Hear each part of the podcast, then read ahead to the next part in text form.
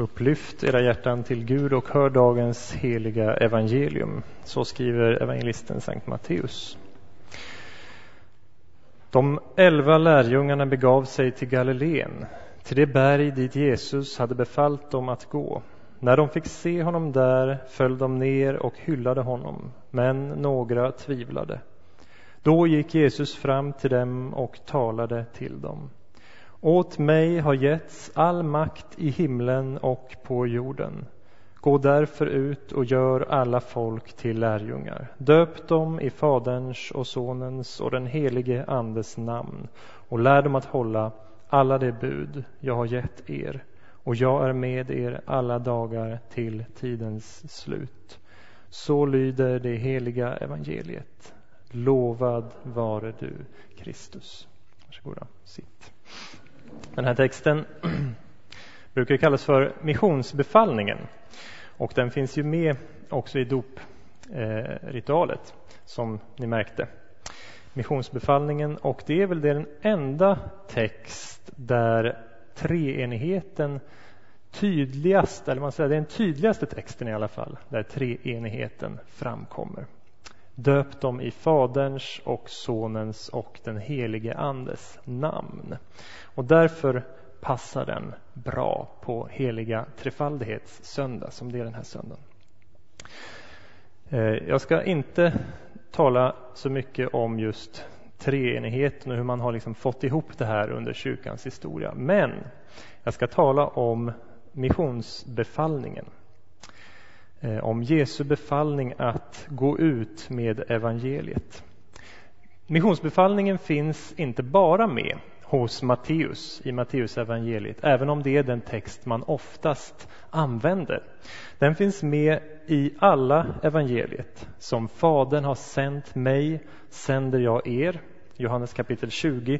Gå ut och förkunna evangeliet för allt skapat. I Markus 16. Syndernas förlåtelse genom omvändelse ska förkunnas i hans namn för alla folk. Lukas 24.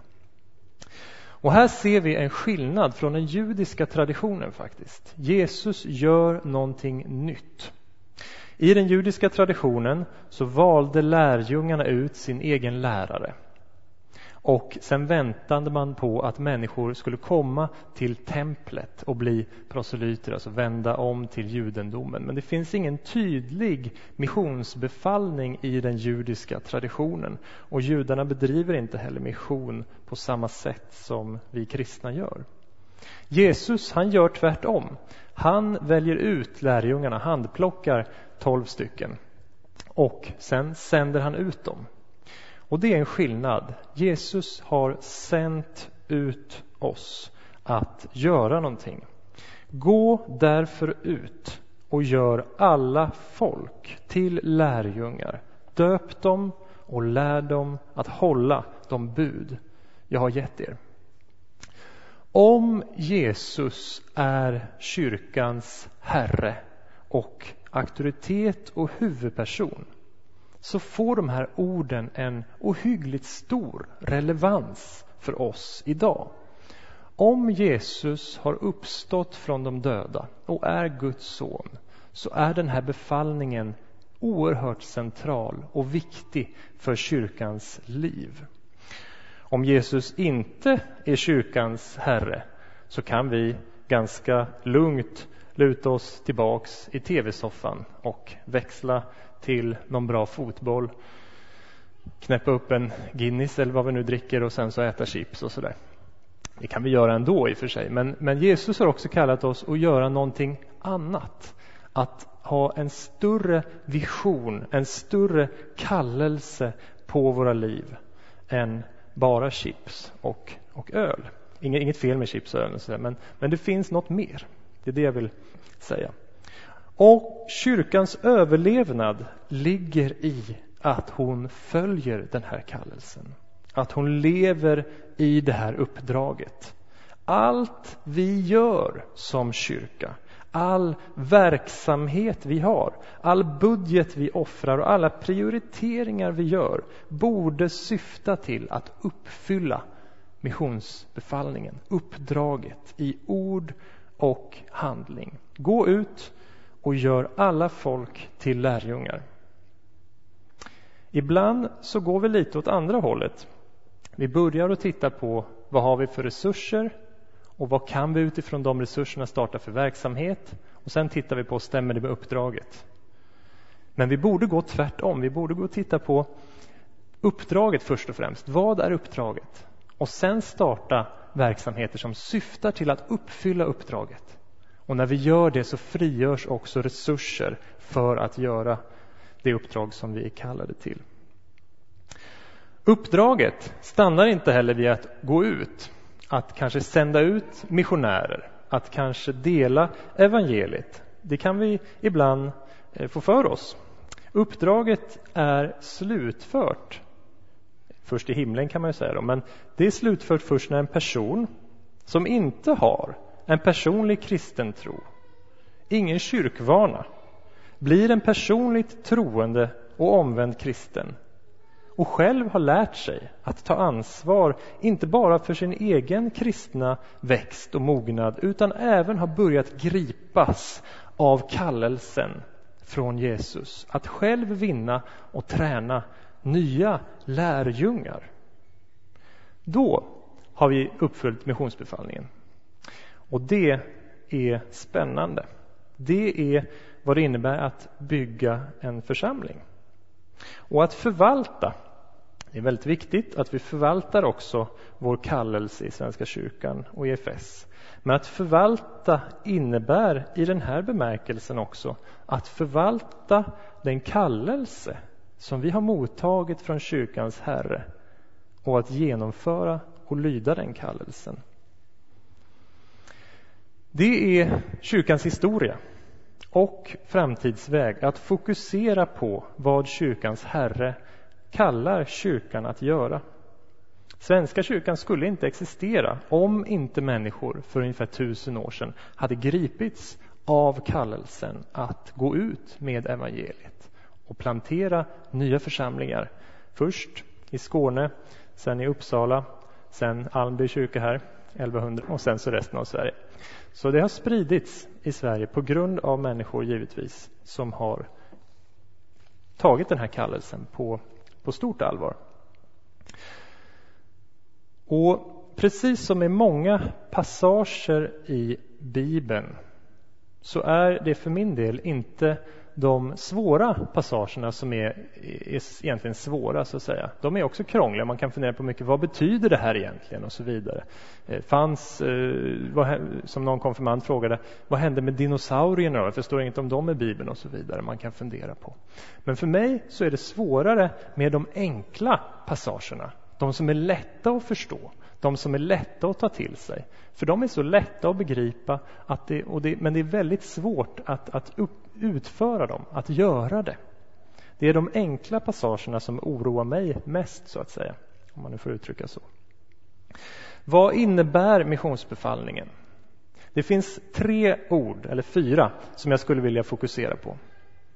Det första är gå ut. Gå ut.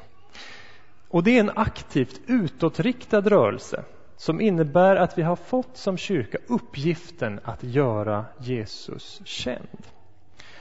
Om det är så, som jag sa i början också, att Jesus faktiskt till att börja med har funnits, att han också är Guds son, att han har uppstått från de döda, att han faktiskt hör bön, att han har något oerhört viktigt och relevant att säga till oss idag. Nämligen, jag kan ge dig frid. Jag kan ge dig liv. Jag kan ge dig hopp som sträcker sig bortom graven. Då är det här budskapet någonting som är oerhört relevant för oss alla. Inte bara för 2000 år sedan, utan också i vår tid i Sverige idag. I Svenska kyrkans huvudvision som finns formulerade fyra olika ord, nämligen att fira gudstjänst, bedriva undervisning, diakoni och mission, så finns uppdraget med framför allt i de två sista orden, att bedriva mission och diakoni. Evangelisation, det vill säga att dela vad Jesus har gjort på korset och genom sitt liv för oss, bör alltid vara en kombination av de här två, diakoni och mission både socialt arbete, att leva för våra medmänniskors bästa och också mission att dela evangeliet i ord. Jesus gjorde så och det har han också kallat att göra, att, eh, kyrkan att göra. Jesus både förkunnade och botade. Och gå ut. Frågan är i första hand som sagt inte vad det betyder utan hur vi gör det. Det innebär att ha den här sändningen i ryggen. Att förhålla sig aktivt på något sätt. Att bära på ett initiativ. Att vara kreativ för att dela evangeliet så att det blir relevant och förstått idag. Jag brukade säga till mina studenter i Nakamte i Etiopien som, skulle, som läste till präster att det finns ett språk, även om vi inte förstår varandra alltid så, finns det ett språk som jag tror att alla människor förstår och det är kärlekens språk. Att gå ut och tala med kärlekens språk om Jesus. Och gå ut kan också innebära ibland att vi någon gång prutar lite grann på vår egen bekvämlighet, kanske på vår egen, eh, ja, våra egna prioriteringar för att vara beredd att ta emot nya människor i församlingen. Gå ut. Det andra ordet, eller de andra två orden, är alla folk. Jag vill säga något kort om det också. Alla folk betyder alla folkgrupper. Alla grupper med ett eget språk, en egen kultur. Etnos är det grekiska ordet. Det betyder, kan översättas en slags etnisk folkgrupp. Eh, och det finns många sådana i Sverige idag. Man kan också prata om subkulturer och grupper som inte blir nådda kanske rakt av av det vi gör idag i Sverige i kyrkan. Sverige är på det sättet även idag ett missionsland. Svårt att tänka sig på ett sätt. Kyrkan har funnits här tusen år, kristna kanske 1600 år. Men idag är det så pass många som inte vet varför man ens firar jul eller påsk. Det är många som inte alls vet något om Jesus. Speciellt inte kanske så mycket man skulle vilja veta. Och här har vi ett uppdrag kvar. Vi är idag i Sverige ett av de mest sekulariserade och individualiserade länderna på hela jorden. Worldvaluesurvey.org kan man titta på, alltså där man mäter sådana här värderingar på, på, eh, i alla olika länder. Mycket, mycket avkristnat. Sverige som missionsland, att nå ut till alla folk. Det tredje ordet och det sista, det är ordet lärjunge. Ordet lärjunge betyder ju någon ung person som lär sig någonting. En ung person som lär sig någonting. George Kovor som var här, Indien, som var här och predikade, som var väldigt framstående akademiker som pratade och jag förväntade mig ett, ett föredrag i, i, i vad ska man säga, Princeton-anda kanske, där han hade undervisat då. Eh, men han var här och han predikade som eh, jag tror att Rosenius kunde ha gjort eller, eller eh, någon av de här gamla väckelsepredikanterna. Han sa så här, jag kallar mig inte kristen utan Jesus student. Ordet kristen kan idag förknippas med något ganska statiskt. Jag är kristen, fine, så att säga. Då kan jag åka tillbaka och äta mina chips och dricka min öl. Och det, som sagt, det får man gärna göra. Men 'Jesusstudent' det är en slags rörelse mera i det ordet. Att vara lärjunge, att hela tiden ha inställningen att lära sig något mer om Jesus. Jesus kan visa något mer om sig själv. Det finns ett nytt steg att ta idag. Vad är steget på efterföljelsens väg idag? Omvändelsen är en början på en livslång resa. Att vara kristen är att vara på väg, att gå en vandring, att gå i Jesu fotspår. Och det är så att i den judiska kulturen så innebar det att gå i någons fotspår, att vandra efter någon, det innebar att ha samma livsstil som en annan person. Att vara en lärjunge är att titta på Jesus och se hur han gjorde och göra likadant. Att ständigt låta oss utmanas av hans budskap, av honom själv, av det han gör och det han säger. Dopet ger förutsättningarna. Konfirmationen är i vissa fall en begynnelse på en efterföljelse. Men sen fortsätter det hela livet och alla dagar är en ny dag för efterföljelse. I den här huvuduppgiften att gå ut så har vi alla mer, ja, på olika sätt olika uppgifter. Jesus ger faktiskt missionsbefallningen. Det här var faktiskt min fru som påpekade en gång. Hon sitter där nere, det är därför jag pekar. Hon sa så här, Jesus ger faktiskt missionsbefallningen bara till apostlarna. Han ger den ju inte till alla kristna. Jag sa nej, nej, nej, det stämmer ju inte. Den är ju till hela kyrkan. Så här. Eh, den är inte bara till apostlarna. Men så tittade jag faktiskt i Bibeln och läste. Och så såg jag att den är faktiskt given bara till apostlarna i alla evangelierna där Jesus ger missionsbefallningen. Gå ut och gör alla folk till lärjungar. Och det innebär i och för sig inte att uppdraget bara är givet till dem. Men det innebär, skulle jag säga, att vi har olika uppgifter i det här att gå ut. Och ibland kan det vara så att man känner en stress och en press kanske. Jag måste gå ut och på något sätt dela evangeliet eller något sånt. Då. Men apostlarna hade en speciell gåva att göra det precis de gjorde. Och Paulus skriver att alla kristna har en eller flera begåvningar med vilka vi kan tjäna våra medmänniskor på olika sätt och på det sättet också visa på Jesus i bästa fall. Att använda sin begåvning. Någons begåvning kan vara att sjunga.